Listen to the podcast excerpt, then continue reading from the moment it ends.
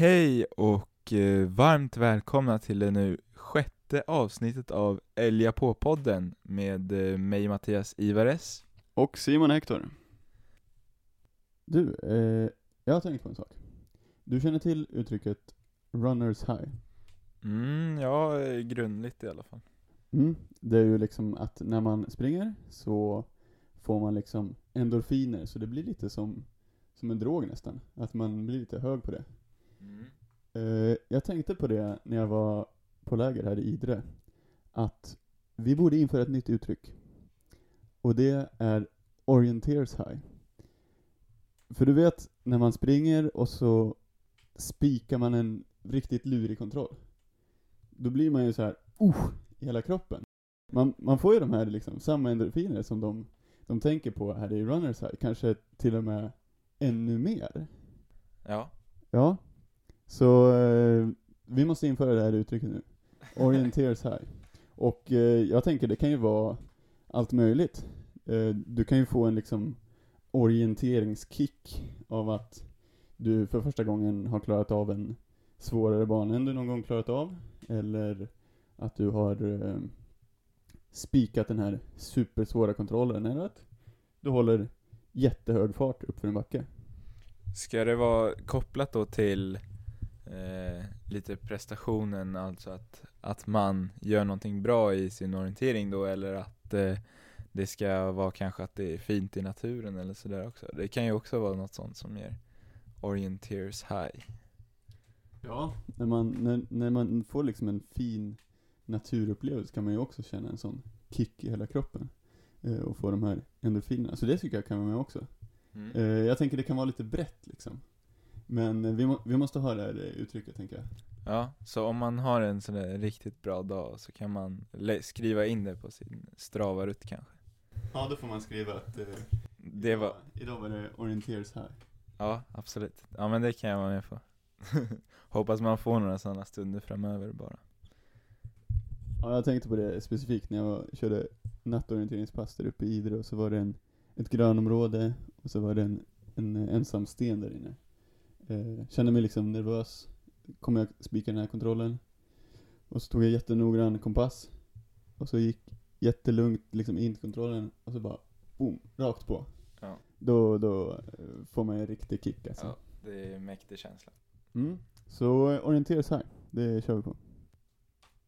Ja, i eh, detta avsnitt har vi med oss en sponsor faktiskt. TBE Mapping.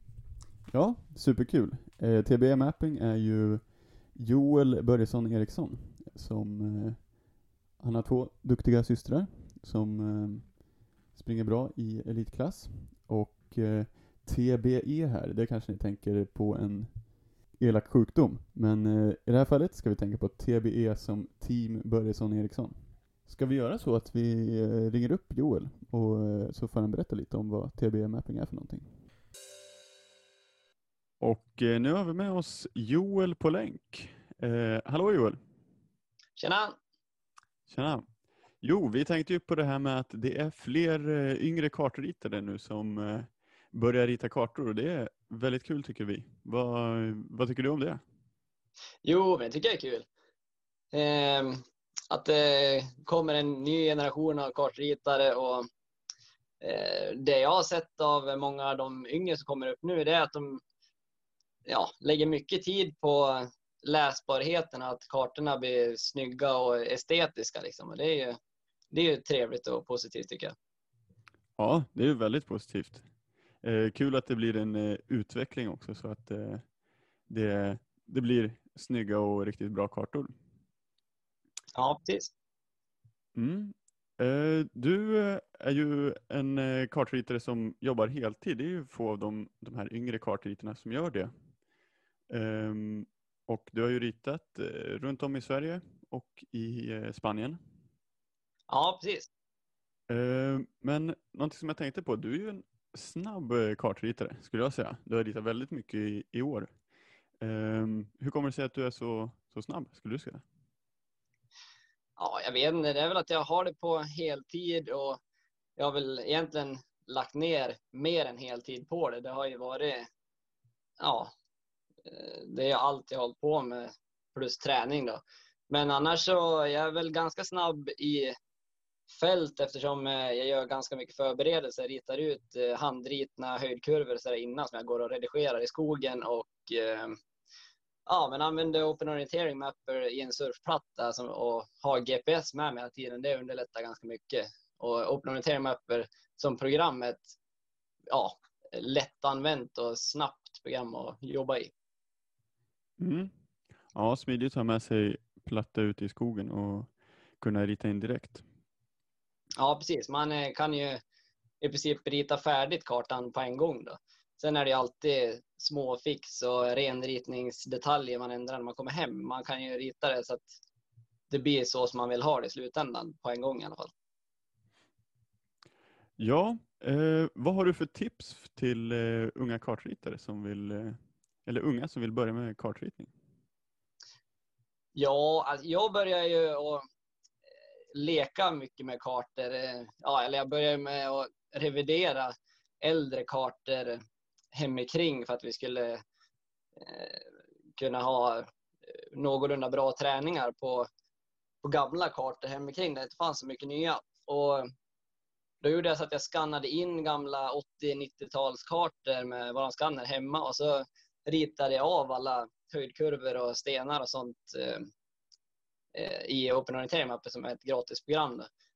Och sen eh, ja, därifrån så reviderade jag upp eh, kartorna, la in nya hyggen från flygfoton och sådär. Och så sen även bara leka med, med kartfiler som jag har fått ifrån klubben och ja, men eh, prova olika saker, hur det eh, ja, hur man lär sig det här eh, kurvlinjefunktionen ehm, i, som finns i OCAD och Open Orientering Mapper så att eh, ja, men det blir snyggt och estetiskt och eh, runt och fint och så att ehm, för ögat eh, fångar jag upp en, en rund form enklare än en kantig och hackig, tycker jag i alla fall. Ja, ja men så är det ju. Eh, men eh, att du började liksom rita då kartor lite grann för träningar och sen så eh, blev du bättre och bättre på det och nu har du det som jobb helt enkelt. Ja, precis. Jag började ju och och, ja, men rita bara för skojs skull. Och så sen gick jag en kartritningskurs på Soft eh, 2018 i Katrineholm. Och den, där lärde jag mig de sista bitarna för att jag skulle kunna rita en, en eh, riktig karta från grunden. Så det, eh, det var efter den kursen som jag gjorde min första ordentliga karta från laserdata. Okej, okay. ja. Ja, men då tackar vi jättemycket eh, för sponsringen här av avsnittet av eh, TBE Mapping. Eh, gå gärna in och följ TBE Mapping på Instagram. Det finns snygga kartklipp där för den som gillar att titta på kartklipp. Och hur gör man för att kontakta dig om man är intresserad, Joel? Ja, precis. Det är på min mailadress då, joelborgesson96 gmail.com. Och det står ju uppskrivet där på Instagram-kontot också. Japp. Tack så mycket TBE Mapping. Ja, i detta avsnitt ska vi ju prata alternativträning eh, och vi har med en eh, gäst som inte är någon mindre än Jerker Lysell. Kanongäst. Ja, och vi hoppas att vi ska få ett kanonavsnitt här också. Eh, förra avsnittet pratade vi ju om grundträning och där berättade ju uh, våran tredje länk i podden Robert Wallsten om hans 100 varvs utmaning på den här Elispårsslingan och jag har faktiskt fått ett eh, litet meddelande från honom nyss som jag tycker att vi ska lyssna på.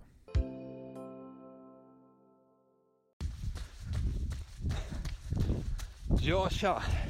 Kul Simon och Mattias att ni vill vara med mig och hjälpa mig runt den här ja, något galna utmaning. Jag är ju just nu ute på mitt, ja, jag tror det är 88 varv. En utmaning som började 17 oktober. Eller en målsättning för att bli lite starkare uppför i min löpning som jag saknat ett tag tycker jag. ja men då 100 varv på elspår som är rätt kuperat. Men som sagt, jag är just nu ute på mitt 88 varv. Jag har några dagar på mig men jag kommer nog klara det här. Vi får se. Eh, det är en lördag morgon och vädret är grått. Ja, över till er. Jag återkommer lite senare kanske med mer rapport om hur det går idag med min utmaning. Tjaba! Ja, det verkar ju gå bra i Robbans utmaning. Ja, det är ju tuff utmaning. 100 varv på elspåret. Det, det är lite så här, eh, ja men, typ hjärndött liksom. Ja, det är inte orientering direkt kanske.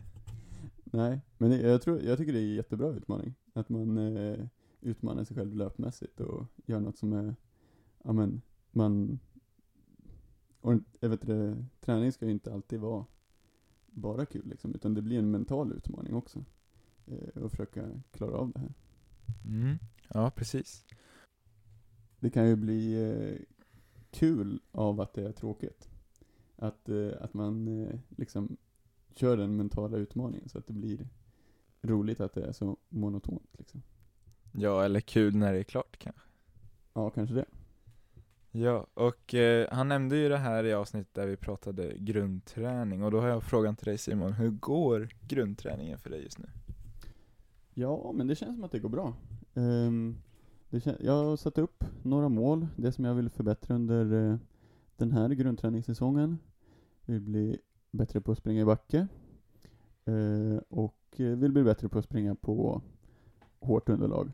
Så jag har försökt lägga in backpass och sen så är det väldigt populärt det här med tröskel just nu.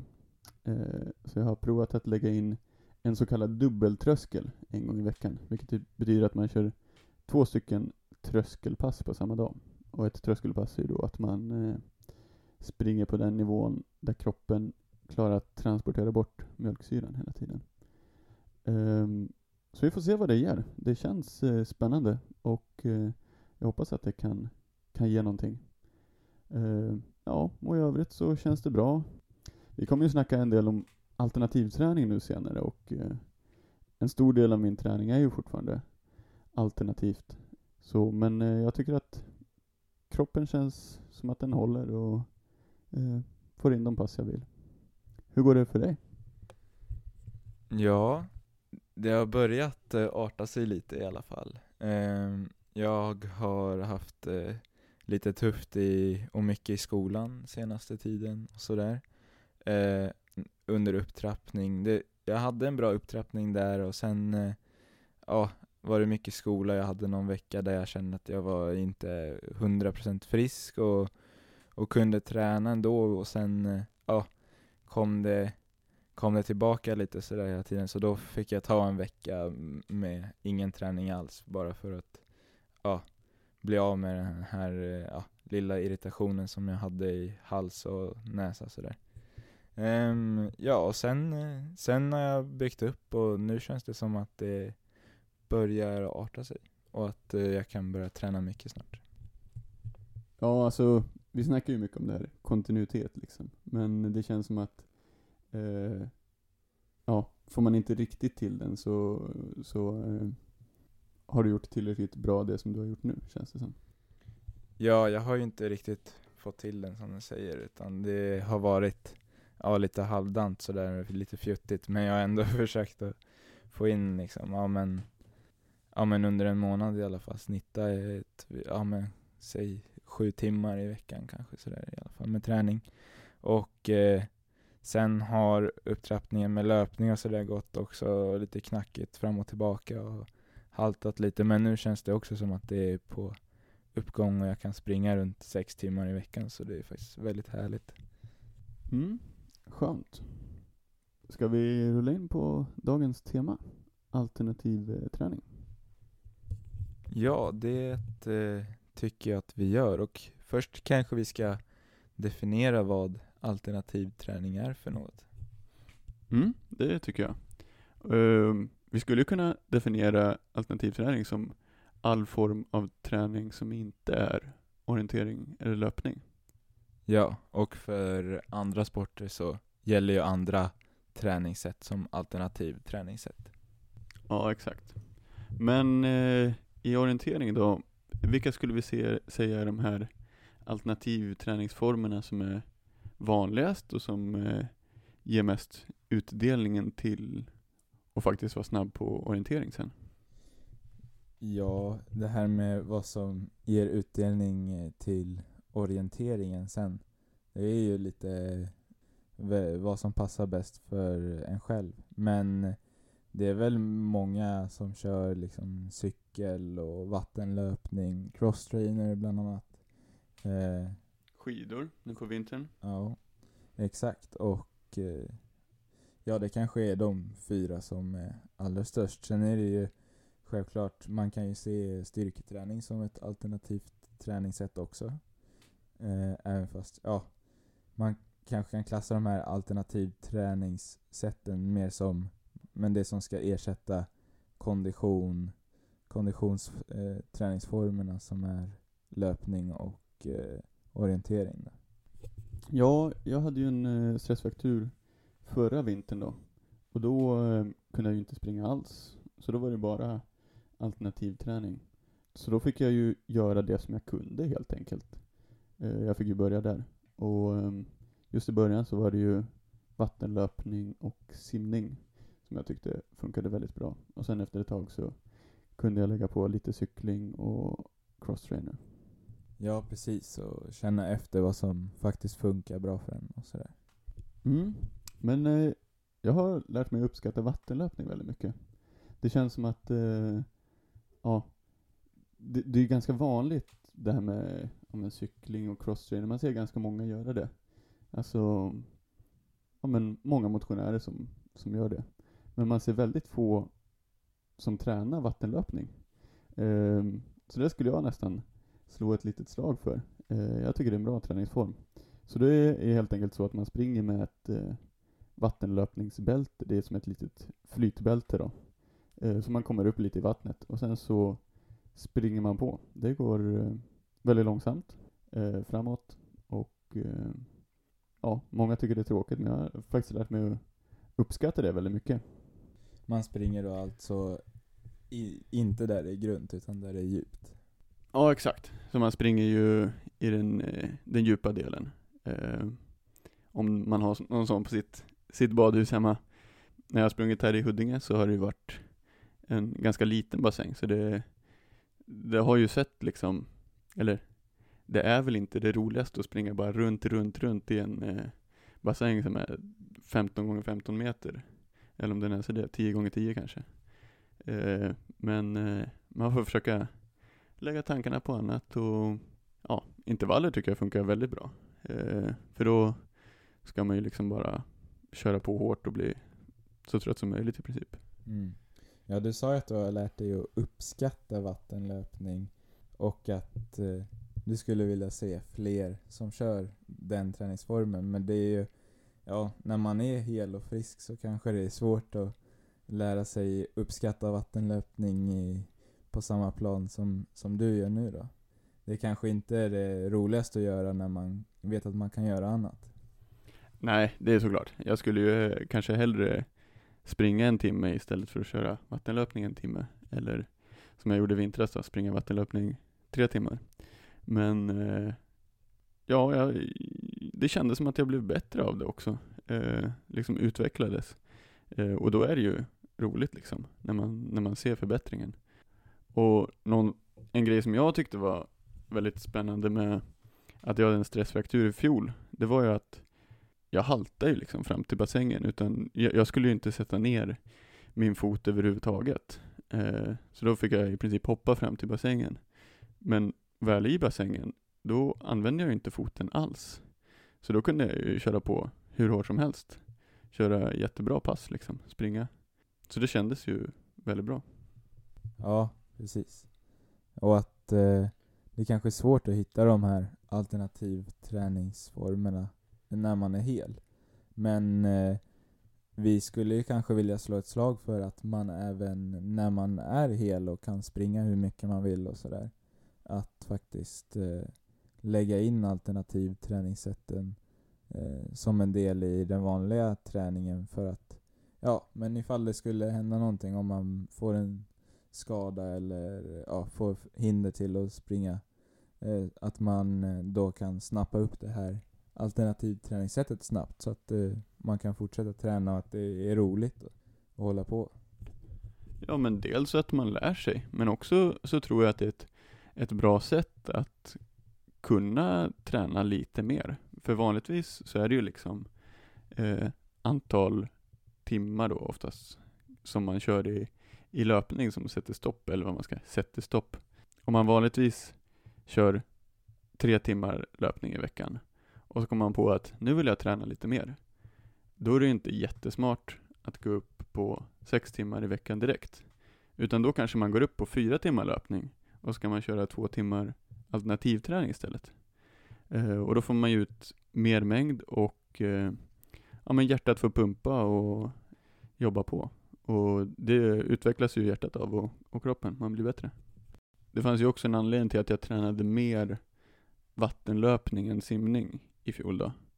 Eh, jag kände att jag vill inte springa hur mycket vattenlöpning som helst för det blir ju väldigt mycket samma rörelse bara, så jag ville simma lite grann. Eh, men jag tror ju att vattenlöpningen ger mer, för det är ju mer likt löpning än vad simning är. Mer ben och mindre armar liksom. Ja, precis. då får man, då får man ju hitta de där alternativ, eh, alternativa träningssätten som kanske är så pass nära den eh, sporten man vill utvecklas i. Ja, samtidigt som man ska hitta något som man tycker är liksom, ja men rätt så kul. Ja, exakt. Tycker man att det är jäkligt kul att köra rodd, så varför inte köra det så länge man tränar hjärtat liksom? Ja, exakt. Just rodd är ju Martin Regborn specialist på. Ja, det visste jag ingenting om. ja, han brukar köra, ja, något roddpass i veckan i alla fall. Eh, under vintertid, vet jag. Ja, men eh, där har man ju liksom att eh, även de bästa kör alternativt ibland. Och det kan ju vara ett sätt att Ja, även när han inte är skadad liksom. Ja, exakt. Och att, eh, ja, ja men tycker man det är roligt och man får träna hjärtat så, så är väl det toppen. Ja, och eh, det är ju ganska många som tycker att det här med alternativträning, det kan verka tråkigt och eh, det, det är bara, bara jobbigt. Hur eh, ska man hitta motivationen? Ja, ja nu har vi hyllat alternativträningen lite här att ja men om man kanske vet mer om, mer om det och, och hur, ja men hur pass bra man kan bli på alternativ träning som, som eh, träningsform så, så kanske man, eh, ja men dels då, ja, via mer kunskap kanske kan hitta, finna motivation till att, ja men går jag in eh, nu när jag är skadad och kör riktigt bra här så kan jag ja, men när jag blir frisk sen vara kanske snäppet bättre än vad jag var innan. Ja, vi har ju sett eh, många prov på olika idrottare som har lyckats väldigt bra på mm, stor del alternativ träning. Vi ska ju snacka med, med Jerker snart och det, hans VM-guld i Strömstad var väl nästan bara alternativ träning.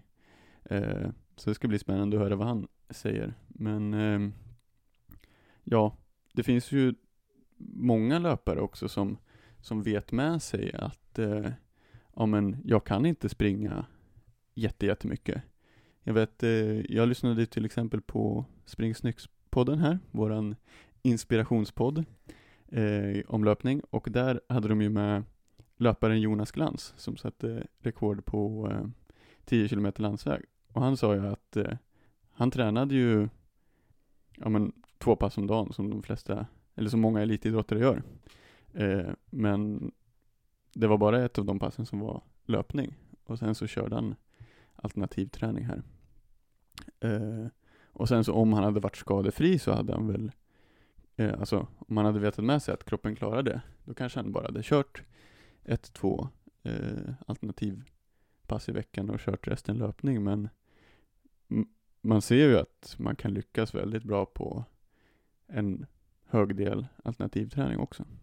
Och just i hans fall visar ju lite på hur olika byggd man kan vara och ändå vara eh, så pass bra med i toppen att det, finns liksom, finns inget eh, framgångsrecept riktigt utan det är ju, man får ju anpassa sig till det man klarar av och sen, sen lägga upp det därifrån och att eh, ja, även om man inte springer mest så, och orienterar mest så kanske man kan vara en av de bästa ändå. Och att man, eh, ja, men man kan försöka lära känna sin, eh, sin kropp lite och veta vad man, vad den pallar med och sådär. Ja, jag vet ju att det finns eh, elitlöpare som i princip aldrig tränar alternativt. Jag vet inte om eh, Emil Svensk kör eh, något alternativt i princip. Och det funkar ju för honom. Så eh, för honom är det ju väldigt bra att springa så mycket som han gör.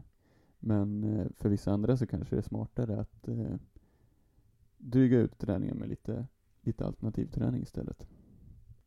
Men du, eh, Robban kanske har hunnit lite längre i sin löprunda nu. Ska vi höra med honom hur det går? Ja, nu är jag med igen, Simon och Mattias. Eh, jag är faktiskt fortfarande utan, ute på mitt eh, samma pass liksom. Jag kommer en bit längre. Nu är jag inne på mitt 91 varv. Och strax kommer jag även få lite sällskap av två klubbkompisar. Eh, Jesper Lidmar och Johan Bernhard. Och det vill jag verkligen så här säga att ska man fixa sådana här dö-utmaningar och målsättningar så är klubbkompisarna guld värda. Får man med dem så, så blir allt mycket lättare. Speciellt i en pandemi som vi alla människor rör oss i just nu. Och det tror jag har påverkat många också. Och det är också att jag tror att utmaningar och mål blir ännu viktigare när man knappt vet om tävlingarna blir av eller ej. Eller i vilken form. Men ska jag vara ärlig så mission till idag är att faktiskt fullfölja så jag får mina hundra eh, varv. Och ja, vi får se. Jag återkommer kanske när jag är klar. Tjing tjong! Ja, vi får helt enkelt se om Robban tar sig runt de där hundra varven och avslutar sin utmaning idag. Ja, men det, det lät ju som att det är planen. Så, eh, men det är ju ganska många varv. Det är ju ändå 1,8 kilometer spåret, så ja, det blir några kilometer på det här passet idag. Ja, vad hade han? Nio varv kvar nu, så att eh, ja, vi får se om han tar sig runt. Ja, Ja, nu ska vi i alla fall eh, få med oss, ja, en av eh, Sprint-Sveriges i alla fall kanske bästa manliga orienterare på ett bra tag. ja. Får se vad han har att säga om läget just nu och eh, alternativ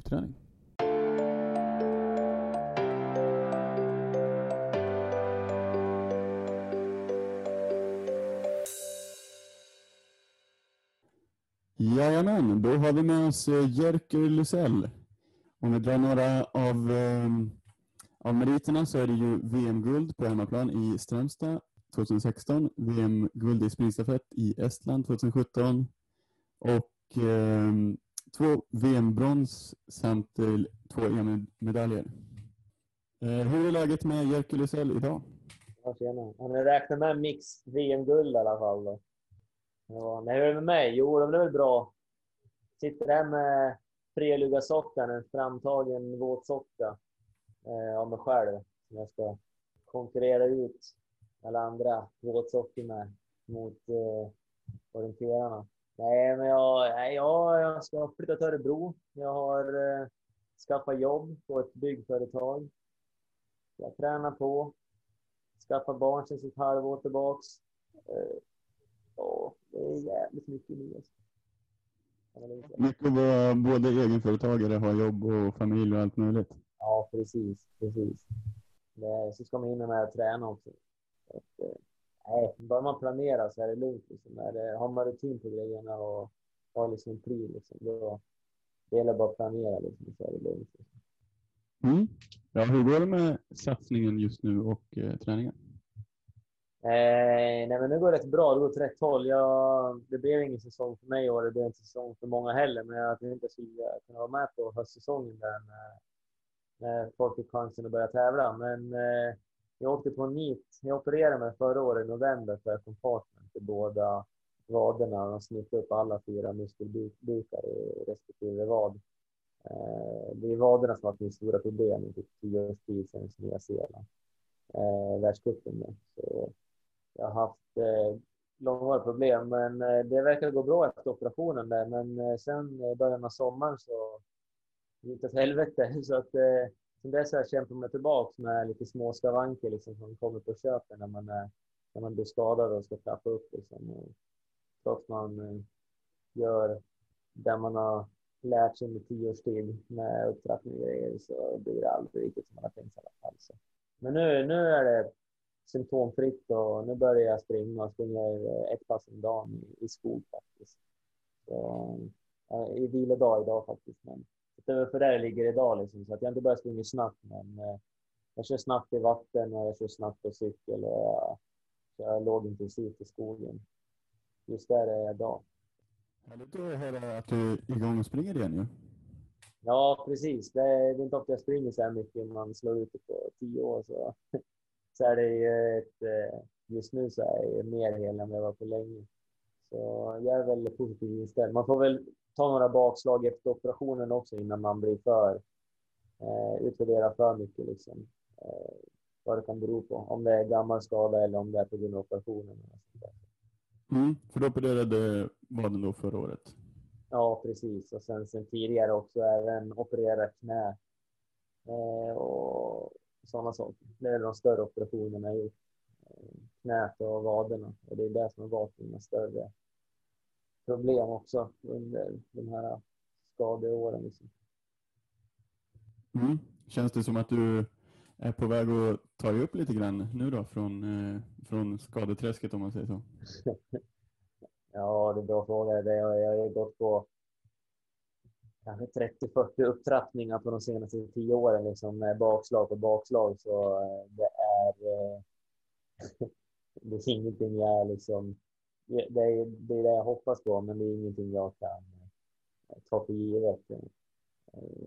Det är som det är och det blir som det blir liksom. Man får, det blir som ett litet sista ryck nu inför nästa års VM och komma tillbaka. Så än så länge är det bara december så Eh, kan jag börja springa intervaller i skog eh, hyfsat snart, för då är jag i form på några veckor. Liksom. Eh, sen kan man anpassa träningen specifikt sen beroende på vilka distanser. Och sånt där.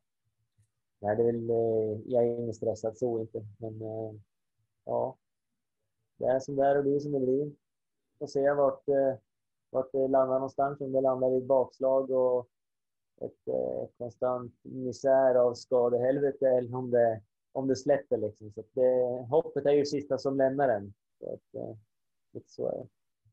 Ja, du blev ju uttagen nu till A-landslagstruppen här kommande år. Hur eh, går tankarna inför nästa säsong? Nej, men jag har väl varit ganska tydlig med vad jag vill nästa säsong. Annars hade jag ju inte eh, sagt att jag ville vara med. Så, eh, att man är med eller inte spelar väl det är väl mer det här ekonomiska stödet och stöttningen eh, lägre som är det viktigaste. Men eh, det viktigaste är att jag är helt framför allt. Det är, ändå, det är ändå upp till sig själv att göra jobbet för att ta sig dit man vill. Det spelar ingen roll om man är eller utanför ett landslag. Det, det kan underlätta saker, men eh, vill man så kan man ändå. Så, det är väl just, just skadorna som är den här, det skon klämmer för mig ändå. Så att, Eh, men ja, jag har som sagt, jag är med och, eh, och på, på så vis också eh, tränar lika hårt som tidigare för att eh, springa bakom för VM i, i sommar. Du nämnde ju att du har haft eh, liksom ja, men senaste tio åren försökt att trappa upp flera gånger och sen misslyckats och fått bakslag och sådär. Hur håller man uppe motivationen och strävan om att bli bättre och inte göra det? Ja, bra fråga. Nej, men för mig började det ganska tidigt. Ganska bra pris när jag slog igenom som senior. Eh, jag hade några år där jag floppade på VM i Schweiz fast jag vann världscupen innan. Och kanske en mental spärr att man trodde att man skulle bara ställa ut skorna och allting utan vinst var att förlora och sen funkar det inte alls. Sen eh, åren efter det så då, då hade jag problem med stressfraktur i foten och sen så började vaderna jäklas och knäna började komma och var dåliga så alltså att eh, jag kunde aldrig, riktigt träna exakt som jag ville. Men eh, precis när jag blev bra så gick jag sönder och som tur så fick jag några år där i eh, då var ändå motivationen hög och jag har alltid tänkt att jag ska vinna någon gång, liksom, och vinna flera gånger. Då snackar vi VM och sådana där tävlingar, inte DM i Hälsingland direkt. Men då vi vad heter det, fick jag ändå till på VM och lyckades eh, komma med där och, och, vinna. Och sen var jag skadad två veckor efter, eller månad efter, så sprang jag väl inte VM förrän året därpå i alla fall. Eller hur det var liksom. Så att, eller första tävlingen efter var liksom VM efter VM. Liksom, så att, eh, jag tror att det var, var det Estland efter VM i Sverige. Då var det väl kvalet på VM var min första tävling sen VM året innan. Så att nej, jag har en handfull tävlingar från 2016 och framåt. Det har egentligen blivit värre och värre, men då, då slutade den här operationen. Och, eh, som var liksom ett måste. Så, men vi får väl se liksom. Motivationen har väl alltid varit att man vill vinna liksom. Så att, eh, Eh, man blir inte mätt heller man vinner en gång, man vill vinna fler gånger. Så det är ganska lätt att tro det, Men det är klart, det är en liten trygghet kanske att ha vunnit en gång i alla fall. Men det är ju det är fortfarande ingenting man ja, har så mycket nytta av nu liksom. Nu vill man ju vidare liksom. Framförallt kul också att vara hel, åka på läger och tävlingar och sådana saker. Även om själva målet är VM-guld så är det ju ändå det är ganska mycket roligare att inte vara skadad. Så det är väl just den där grejen som suger ut musten ur den eh, och de som är skadade, inte bara jag. Eh, att det är ganska tråkigt att eh, träna för ingenting när man börjar bli skadad.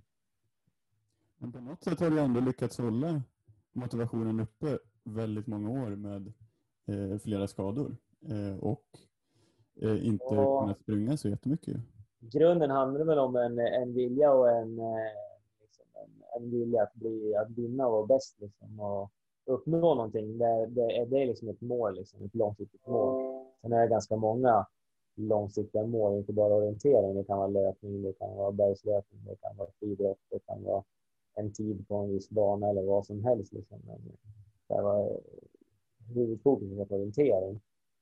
Sen eh, Nej, men alltså det är ju, förutom målet så har man ju haft en inställning i liksom att lägga allting åt sidan. Ja, det här har jag gjort sedan jag var tio år eller elva år när jag bestämde mig att jag skulle bli bäst.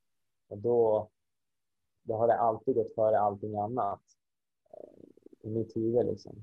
Allt från upp till ungdom till gymnasiet till allting har varit fokus på att bli bäst på orientering. Och eh, från att jag var 20-21 liksom, så har jag vunnit VM-guld på seniornivå varit liksom, blivit det kortsiktiga målet. Liksom. Så jag har fått många chanser redan ganska snabbt och med den inställningen så har jag ju eh, fått resultat med yngre. Jag har fått stöttning från klubben, jag har fått stöttning från landslag och inte drunkna i skola och drunkna i, i jobb liksom. Jag har liksom valt liksom att eh, satsa på orientering helhjärtat. Liksom. Det är väl där, tyvärr, det är få som kanske vågar göra i en liten sportorientering. Eh, man kan nog nämna en handfull personer som vågar göra det i Sverige. Så, och kanske i världen. Men det är det som krävs, för det är tufft att bli. Det är tufft att spöa schweizarna, finnarna och svenskarna och norrmännen och alla som finns där. Liksom. Det, är, ju, det är ju ganska många som vill åt samma sak. Och då, då måste man fokusera på det som är rätt. Vad, vad tror du är nyckeln för att kunna nå sådana här framgångar som du, som du har gjort då, trots eh, de här skadorna? Alltså, ja, nyckeln, ja, det vi pratat om då, det är väl den här viljan och dedikeringen till idrotten, att man lägger allting åt sidan och kompromissar inte på träningen eller förberedelser eller allting runt omkring det som har med satsningen att göra. Sen så en pusselbit mer, det är också det är kontinuitet och den har inte jag haft riktigt. Men eh, jag har haft en tillräckligt långa, korta stunder om man säger så. Eh, nischat mig lite på sprint där. Jag var ju faktiskt ganska bra på, när jag var ungdom så var jag ganska bra på långdistans, var min favoritdistans och var ganska duktig. Sen så halkade jag in på sprint ganska snabbt, för det var det som gick bäst. Och framförallt som senior på världsnivå. Liksom. Och, men däremot och, och som tagit steg snabbt där. Men eh, grund på att, eller mycket att jag har en bra fysisk förmåga och har ett sinne för sprint. Eh, och eh, kanske lite talang också, men det, det mesta är ju hårt arbete. Liksom. Eh, sen har jag tyvärr inte fått den här uh, kontinuiteten och möjligheten att få rutin och, eh, och träna vid bra skog. Liksom. Den har jag saknat totalt under den här upptrappningsperioderna utan kontinuitet som är väldigt viktigt inom idrott och konditionsidrott eller all typ av idrott. Den eh, har jag saknat, så då har jag fokuserat att ta mig tillbaka till sprint varje gång. Eh, på så sätt så har jag nischat mig lite så när jag har tagit mig tillbaka. Men haft svårt att utvecklas på bredden inom orientering. Men tror du att du har fått en kontinuitet genom alternativträningen då som har hjälpt dig? Eh, ja, mm. visst är det så. Eh, alternativ träning är ju mer bekant för mig som vanlig träning. Eh, man har ju liksom Förut när man körde första vattenlöpningspasset, då tyckte man en halvtimme var helt hur tråkigt som helst. Men eh, nu går man ner i poolen allt från 60 till 2 timmar och det, det, det känns som vilket pass som helst att man tränar intervaller eller kör ett långpass eh, som återhämtning eller någonting och, och, och sitter på cykeln tre, fyra timmar liksom, på en MTB eller en, en racer eller på swingcykel. Eh, det är inte konstigare än så. Intervallerna är både på cykel och eh, vattenlöpning ganska lika. Eh, man ser till att träna hjärtat och träna de där intervallpassen man skulle ut på löpning annars och fyller ut. Så att eh, timmarna blir nog kanske lite mer än vad det skulle bli på löpning. Nu tränar jag oftast två pass om dagen löpning innan jag var 22 år och skadad. Men eh, då blev det ju ungefär 16, 17, 18, 19, 20 timmar i veckan löpning alltid vecka ut. Jag har aldrig haft något block eller någonting. Jag har kört samma måndag, onsdag, fredag intervaller och sen har jag kört lång, lång pass till lördag, söndag och sen fyllt ut med lång pass. Det är väl lite så jag har jobbat och men just de intervallerna, där jag, jag har jag kommit in i det bra liksom och kört vattenlöpsintervaller. Och det, det, är inga, det är ingen rymdforskning där. Det ser till att vara jävligt trött när man är klar liksom. Så det gäller bara att göra det. Det tror jag många kan ha nytta av. För hur, det än är som elitidrottare så blir man skadad någon gång. Eh, jag har väl sett på orienteringsgymnasiet nu liksom att, eh, att de kanske få lära sig köra lite alternativt någon vecka, någonting, testa på. Men jag tror ändå det kan vara nyttigt. Nu tycker jag inte om man är skadefri ska hålla på med allt för mycket. Men man kan ju väva in det någon gång i veckan.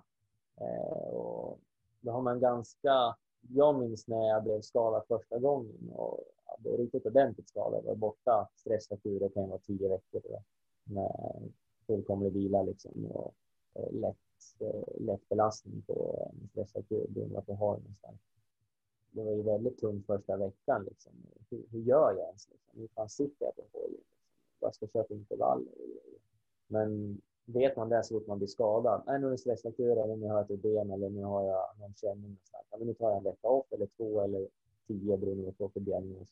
Och sen så redan dag ett så är man igång och kanske inte så snabbt. Då får vi lägga sig akuta smärtan kanske, men då är man igång ganska snabbt med den alternativa träningen, då, då tappar man ingenting om man, om man kör det riktigt. Liksom. Tapp, du tappar givetvis lite att du måste lära kroppen att springa igen, men hjärtat kan du träna minst lika bra. Så det är den omställningen att börja springa, helt klart, men eh, den tar inte så lång tid om du är borta i tre månader. Eh, däremot så tar det lite längre tid om du gör en operation där musklerna tinar bort totalt där du inte kan någonting. Eh, det är skillnad om du spricker i benet eller om du har eh, opererat knät eller vaderna. Då, då tinar ju halva kroppen bort. Då, blir det, då gäller det att få musklerna att växa till sig och bli symmetriska så att det inte blir fel. Jag tror att det är bra att hitta någon slags eh, alternativ träningsform eller typ av pass som man vet hur man ska köra så att man då kan köra det eh, när man blir skadad eller om man blir skadad.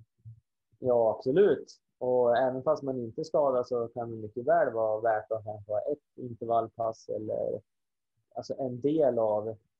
Det behöver liksom inte ta bort de viktiga löppassen. Det kan vara ett tillägg liksom. Antingen ett lugnt vattenlöpningsintervallpass med återhämtning. Kanske hade tänkt att vila en dag eller kört väldigt lugn jobb för att det är jättesliten. Då hade ett vattenlöpningspass inte slitit någonting på kroppen egentligen, men det hade liksom fått transportera bort all skit. Liksom. Så, både när du är skadad och inte skadad så är det bra att ha eh, något inlärt i veckan för att eh, eh, kan man springa så ska man springa så mycket som möjligt, men eh, det, det, går till en gräns på löpningen också vad det är, vilka passen är utfyllnad och vilka passen är de passen som gör en bättre. Eh, jag körde före två pass löpning om dagen och då var det kyrkogården på söndagar och sen visste man inte hur man skulle klara måndag, men det gick ändå. Men eh, jag kunde ändå stå frånsprungen och friidrottare som tränar ett löppass om dagen. Eh, så det är, det är inte det som tränar mest som blir bäst. Så är det inte. Det är den som tränar smartast och har kontinuitet i träningen. Och någon talang måste vi också ha. Men, men tillbaka till alternativ träning. Det, är, det tror jag kan vara bra. Det är inte många. Det är lätt att försumma det när man är skadad. Liksom. Eller skadefri och skitfri. Något pass i veckan kan man göra. Tror du att du hade, med det du vet idag, tränat något annorlunda när du var yngre och då körde två löppass i veckan? Eller två löppass om dagen. Eh, hade du kört någonting annorlunda nu med det du vet? Svårt att säga exakt hur man tränar liten. Det som jag påminns mycket om det är kanske att jag hade tagit tekniken mer allvarligt. Eh, det är det man är bra på om man tycker det är kul. Liksom. Och jag hade nog fokuserat mer på tekniskt i skog kanske. Eh, och, och sådana saker. Men samtidigt så det kanske inte varit lika bra sprint och vunnit det heller. Liksom. Så att, eh, det är nog mycket man skulle kunna göra annorlunda så, men jag har ingen aning om min kropp skulle gå sönder ändå. Jag har försökt att massa olika upptrappningar och, och operationer och magnesium och MSM-svavel och B-vitaminer och eh, jag testar liksom svälja det mesta och, och träna det mesta utan egentligen fått kontinuerlig träning. Liksom. Tyvärr är det så när man är skadad väldigt mycket så är det väldigt svårt att komma ur den här eh, grottan. Liksom. Eh, jag har en glaskropp.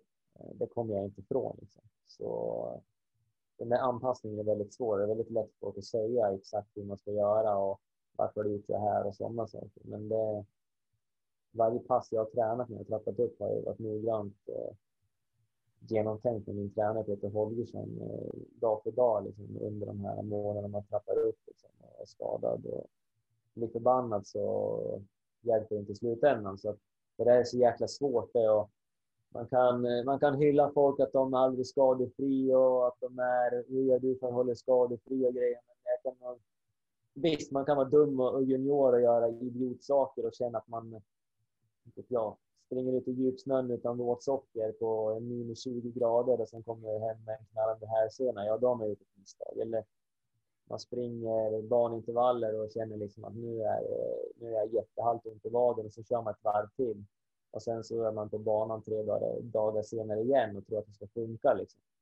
Man kan göra dumma grejer, men det är, det är, bortser man från sådana idiotgrejer så är det ju väldigt komplext eh, det man ska göra. Och det, det finns ju ingen som har lite svar på. Liksom.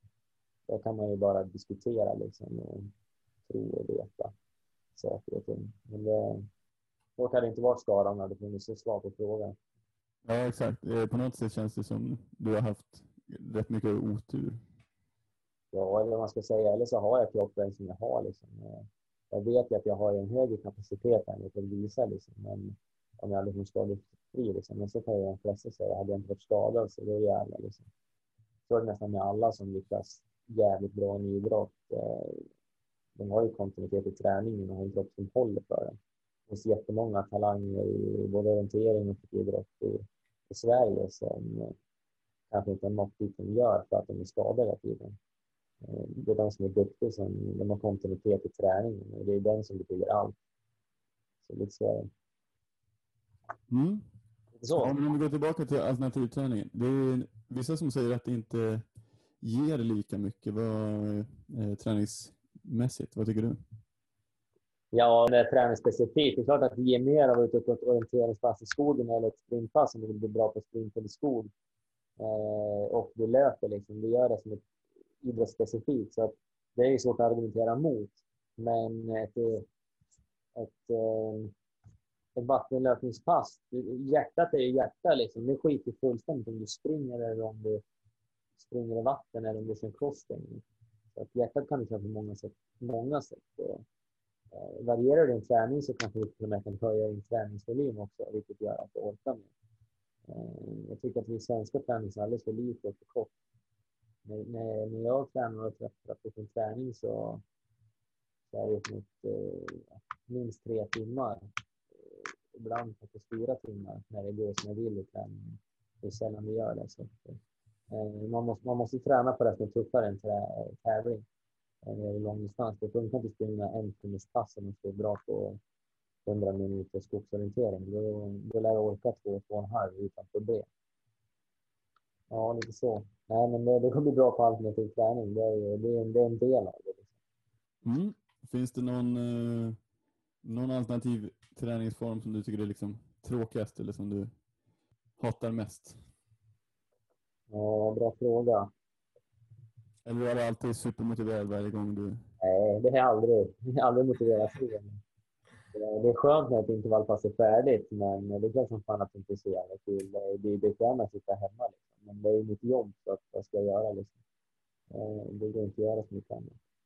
Eh, det är ingenting man... Det är en skön känsla att ta ut sig och vara i form.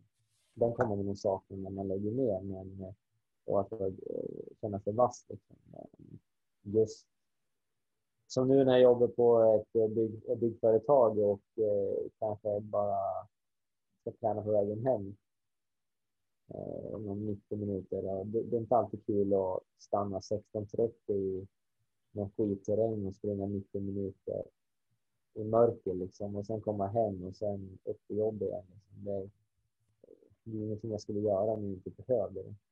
Så, men det är de här äh, dagarna när det är tävling och när man är i bra form och eh, även träningarna när det är bra form och när man känner sig lätt. Liksom. Det, det är den känslan man vill åt. Liksom. Nej, att det alltid är roligt på träningen, det är det inte alls vara. Då, då har man någon psykisk störning om man, om man, om man tycker träning är alltid roligt. Det, det skulle jag inte säga. Ja. Eh, superinspirerande och kul att snacka med dig. Eh, hur många år till får vi se Jerker Lusell i eh, landslaget? Ja, det kan vara allt från tre månader till sju år till, skulle jag säga. Det är, det är allt motivationsmässigt så har jag ju all motivation i världen om det är, går att träna och det känns bra. Då, då kan jag hålla på länge, länge till. Funkar det inte så funkar det inte. Det finns ingen syfte att hålla på. Eh, det är liksom sista rycket med, med skadorna. Om de inte börjar släppa så då, då skiter det Det är lite där jag står nu liksom. Men just nu så är det full satsning. Vi får se om det blir ett år kvar eller om det blir sju till. Och till den eh, avslutande frågan som alla undrar. Eh, hur är det med bandvagnen? Bandvagnen? Ja du, den där har stått och rostat än i flera år. Jag har inte gjort någonting sen Jesper körde ner den på körde ner den i vattnet i långfredagen för tre, fyra år sedan. Så jag vill nog sälja den där bara att få får ut lite pengar, men eh, än så länge har vi inte tagit den tiden att åka dit. Nej, den har egentligen bara stått. Ja. ja. nej, men det ska bli kul att följa dig framöver, Jerker. Och tack för att vi fick prata med dig lite. Tack själva. Ja, tack så mycket. Ja, spännande att höra Jerker. Eh, han har ju gått igenom det här skadehelvetet får vi ändå säga i väldigt många år och eh, stått ut med den här alternativträningen eh, och som vi snackade om också lärt sig att uppskatta den. Ja, det, det blir väl så att eh, får man Får man göra någonting mycket så är det väl kanske uppskatta och acceptera man måste göra.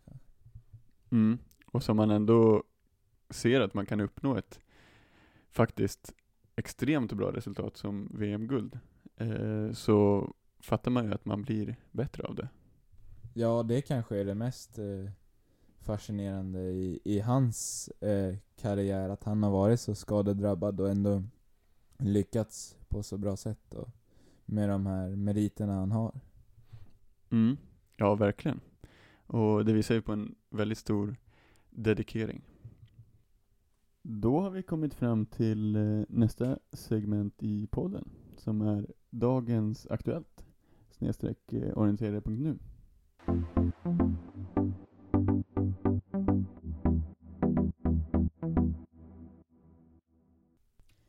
Ja, och eh, idag ska vi snacka om eh, övergångar, eller eh, silly season som eh, det kallas.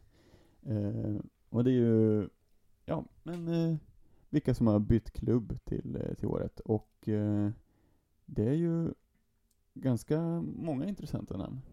Men eh, några av de mest intressanta är ju eh, Marika Teini, en utav eh, de finska landslagslöparna med VM-medaljer, som eh, bytt från SK Pojantäti till Kalmarasti. Och eh, här på hemmaplan så har Sanna Fast bytt från Eksjö till Göteborg. Som vi tidigare haft med i podden också. Mm. Och eh, Sanna bor ju i Göteborg och har valt att springa för klubben på orten. Det är liksom det lite klassiska och byta från en, en mindre klubb till en, till en större klubb. Och därför tycker jag det är intressant att se att eh, Eskil Kinneberg har valt att byta från IFK Göteborg, som är den här stora klubben som har vunnit 10 mila nu massor med gånger på här sidan eh, till OK Kåre som ändå får räknas som en något mindre klubb i sammanhanget. Eh, men de är ju helt klart på uppgång och det, är det blir väldigt spännande att se vad de kan få till nu med en eh, världsmästare på laget. Ja, verkligen. Det är ju verkligen en, en förstärkning att få in. Ja, så det är spännande. Och sen så har vi ett annat väldigt spännande byte tycker jag. Och det är ju Daniel Hubman som eh, går från den finska storklubben KV. Eh, en klubb där det har varit mycket så pumpa in pengar kan man säga. Eh, och de har haft eh, väldigt bra verksamhet och eh, många, många framgångar. Eh, och så väljer han att gå till OL Norska som då är en eh, schweizisk klubb. Eh, och det här tycker jag är väldigt intressant för att eh, det traditionella är ju att de här löparna på, de, de här kontinentala löpare, schweizare, fransmän, tjecker eh, och så vidare, att de söker sig till en skandinavisk klubb och springer stafetterna för dem. De här stora 10 mila, Jukkola, 25 och så vidare. Men eh, nu väljer Daniel Hubman att eh, springa de här, även de här stafetterna för eh, OL Norska, så det är spännande. Ja, verkligen. Och det, man får ju lite den här känslan att, ja men han kanske känner att det börjar eh, bli, bli hemgång så att säga med elit, elitsatsningen kanske. Och att han vill då, ja men eh, satsa med och försöka, ja men eh, få till det med en klubb hemifrån och eh, Ja, han har ju sagt att han vill spendera mer tid med familjen, så det är ju eh, kanske del av det bytet då. Eh, men jag tror att det mycket är det här att eh, OL Norska, de har ju varit väldigt duktiga på damsidan nu i, år, i några år. Eh, och det är ju väldigt spännande att se att eh, några av de bästa schweiziska löparna, även Silje Ekerol Jaren då, som är en norsk löpare, eh, men bor i Schweiz, att eh, de har valt att springa för eh, OL Norska. Och eh, nu är det Hubman och så några till även på här sidan som gör det. Så det ska bli spännande att se om, eh, om de kan ja, men få ett slagkraftigt lag till de eh, stora stafetterna. Eh, för det har vi i princip aldrig haft något lag som inte är från Sverige, Norge eller Finland. Förutom nu de senaste åren när vi har haft eh, Pan Århus och OL Norska som lyckats på, på damsidan och det eh, har varit väldigt spännande att se. Ska se om det går att lyckas på här sidan också. Ja, det är kul att bredda sporten lite faktiskt. Som du nämner, liksom att det, det förflyttas lite och det, då kanske det blir mer intresse för de här andra klubbarna i Schweiz också att försöka matcha den satsning som då, ja, OL Norska gör kanske. Mm. Ja, så det är spännande att damerna går först här och så eh, får vi se om herrarna lyckas med samma sak. Mm. De får visa vägen lite. Exakt. Mm. Kan det vara så att eh, Robban har kommit i mål nu i sin utmaning? Det tror jag, och eh, vi ska låta honom eh, sammanfatta lite om eh, dagens träningspass och utmaningen i stort.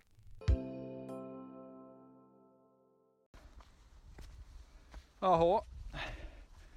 Nu går jag här och lämnar Edisspåret och 13 varv är avklarade.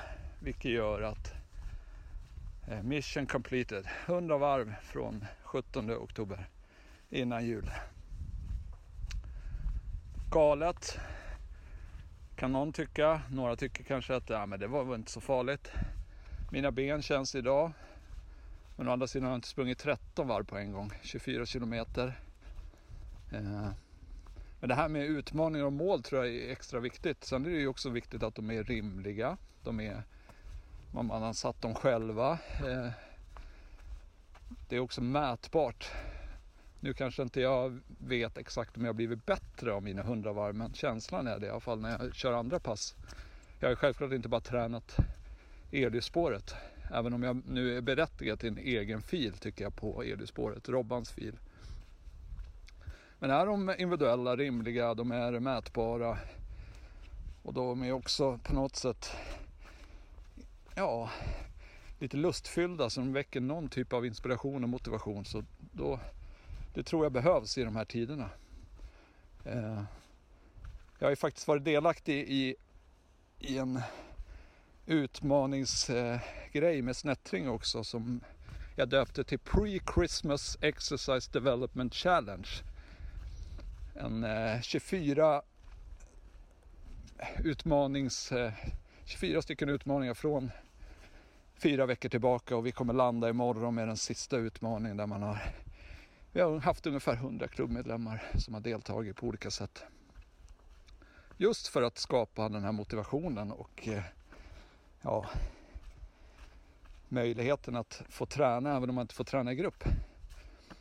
Och det har ju varit allt ifrån torrövningar hur högt blev det där egentligen? Kan ni söka på Youtube eller eh, På stigen. Lite På spåret inspirerad övning. Till att min kära klubbkompis Kristina har hållit i styrka live via Teams på tisdagar där man ska delta. Till att vi har haft ganska mycket eh, julinspirerade utmaningar. Vi har en reflexslinga till exempel där man skulle knäcka några bilder och vad det blev för eh, julsång. Det är ett ganska enkelt sätt men det kräver lite energi från några människor. Så kan det också bli en bra utmaning och mål. Nu får vi ju träna lite mer, vilket är kul, men inom rimliga gränser. Och det finns kanske klubbar där ute som behöver lite extra motivation och så vidare. Så de får gärna höra av sig om de vill ha lite tips på galna upptåg och utmaningar till sina klubbmedlemmar mitt mål är i alla fall klart. Tack för mig. Hej. Han klarade sin eh, utmaning, Robban. Ja, vi får säga grattis till det. Ja, grattis Robban. Och eh, kul att du eh, gjorde den här klubbutmaningen. Jag har sett att det finns eh, många klubbar som har kört olika utmaningar nu i coronatider. Jag tror att det är väldigt bra för att hålla intresset uppe. Så det är kul, kul att se allt, allt engagemang ute i klubbarna. Ja, då har det börjat, börjat bli dags att eh, avsluta detta poddavsnitt. Ja, och eh, vi har ju startat en Facebook-sida nu för LA på podden Så man får jättegärna gå in och eh, följa oss där. Lägger upp eh, information om ja, avsnittssläpp och så kanske det kommer lite annat. Mm. Och så som vanligt, följ oss gärna på Instagram, Alga på podden. Man kan även följa mig och Mattias där. Och så kan man följa Mattias och mig på Strava. Gå även in och följ ehm, TBE Mapping som har sponsrat det här avsnittet. Eh, gillar ni fina kartklipp, då ska ni definitivt gå in och gilla det här kontot. För eh, TBE Mapping, de lägger upp fina kartklipp. Absolut. Och så kan ni hitta kontaktinformation även till Joel där om ni vill att han ska rita en karta till er eller något annat. Något annat kartjobb. Om ni har några önskemål och tips om eh, vad vi kan prata om i podden så får ni gärna skicka in dem också. Vi tar gärna emot eh, förslag och förbättringar och sådär från våra lyssnare. Ja, det vore kul med lite tips och idéer. Men eh, annars får vi bara önska alla lyssnare gott nytt orienteringsår.